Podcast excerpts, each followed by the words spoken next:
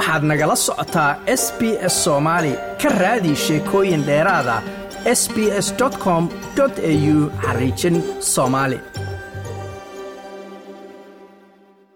xildhibaanadii ugu horreysay austareeliya oo muslimad xijaab xiran ah ayaa markii ugu horreysay taariikhda baarlamaanka federaalka dalkan australia ku gudatay waajibaadka ramadaanta. Fatima payman ayaa sheegtay in soonku uusan ka hor istaagayn inay gudato shaqadeeda ah inay gobolka west australia ku matasho caasimadda dalka. Qoraxdu marka ay dhacdo ayay senatared fatima bayman ducaysatay ka hor inta aysan xabado timira ku dhufan. Waa sababtaa sababta aan furinjeerka loo gelin maadaama ay tahay timirtu wax adag waase macaan ayay tiri.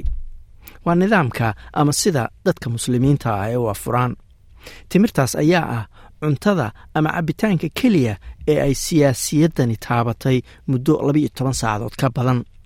Chicken kari oo ah maraq digaag laga sameeyey ayaa sugaya oo ah cuntadeeda ugu horreysay maanta. Laakiin marka ay laba jeer biyo ka batay maraqiina aysan weliba taaban ayaa waxaa soo dhex galay waajibaadkeedii sanatarnimada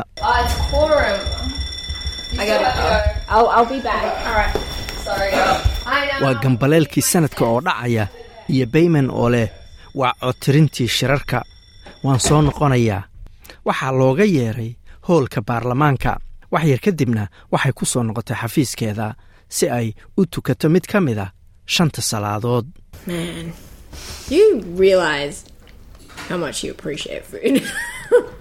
Markaad cuntada ka sooman tahay waxaad garawsanaysaa muhiimadda iyo macaanka cuntada ayay tiri fatima payman ayaa taariikh dhigtay markay noqotay xildhibaanadii ugu horreysay australia oo ah qof qaxooti ahayd oo afghanistaan ku dhalatay xijaabna xiran. Markii loo doortay aqalka sanadka sannadkii la soo dhaafay oo ay qayb ka noqotay baarlamaankii ay ku jireen dadka ugu tirada badan ee dhaqamada kala duwan ee dalkan australia.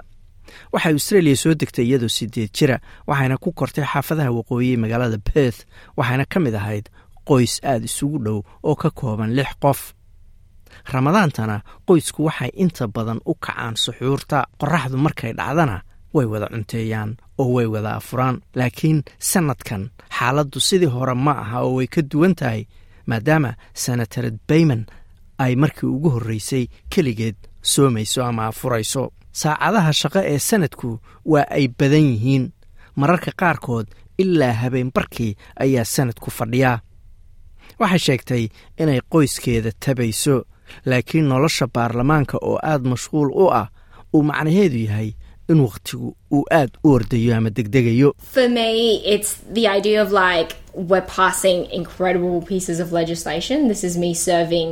Aniga muhiimadda ama ujeeddadaydu waa inaan shuruuc muhiima ansixinayno waa aniga oo bulshada u shaqaynaya. Waa anoo u shaqaynaya dadka deggan xaafadihii layga soo doortay. Soonku ma aha mid iga hor istaagaysa. Waa dareen ah inaan danta guud u shaqaynayo. Ilaahayna aan u shaqaynayo.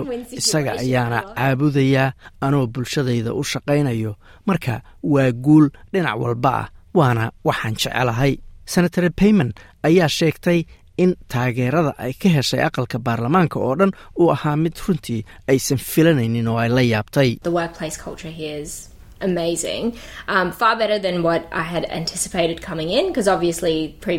habdhaqanka shaqo ee halkan waa baarlamaanke waa mid runtii cajiiba aad buu uga fiican yahay sidaan moodayey sababtoo ah dabcan sannadihii la soo dhaafay waxaan maqli jirnay fadeexado ka dhacay baarlamaanka sheekooyin xunxun oo warbaahinta lagu qoray.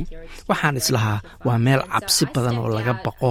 waase laysoo dhoweeyey maalin dhoweyd guddi aan ku jiray ayaa shirayey markaas ayuu guddoomiyihii yidhi waad bixi kartaa oo waad soo afuri kartaa.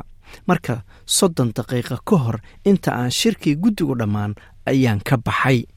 Sannadkan waxay ramadaanka ku bilowday inay ku marti qaado xubno sarsaroo dowladda ka mid a inay xafiiskeeda kula afuraan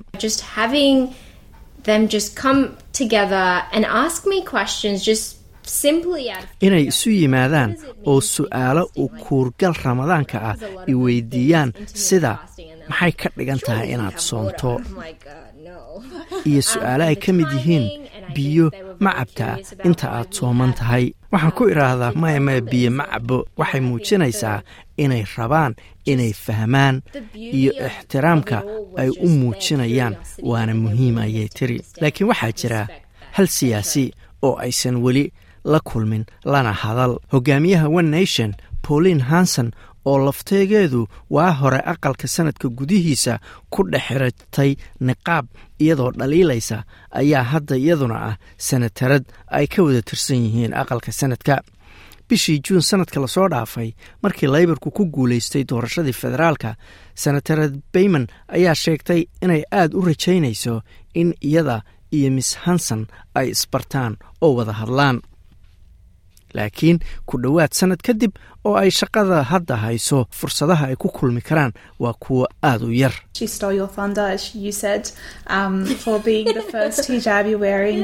Saxuufi ayaa weydiiyey wayba kaaga hormartay. Waxaad sheegtay inay ahayd sanataradii ugu horreysay oo xijaab xirata maxaa isbedelay wixii waagaas ka dambeeyey? Maxaa ini dhex maray adiga iyo senatarad hanson oo ma wada hadasheen ama ma is aragteen? Bayman ayaa ku jawaabtay waxaan leeyahay waa shaqo socota. Markaan si niyad wanaaga u hadlo waxaan leeyahay waa shaqo socota oo waa macquul inaannu is aragno ama wada hadalno. Laakiin markaan xaqiiqada jirta ka hadlo waxaan isiraahdaa macquul ma aha ama ma dhici doonto. Like aas la wadaag wax ka dheh lana soco barta facebooka ee sb s soomaali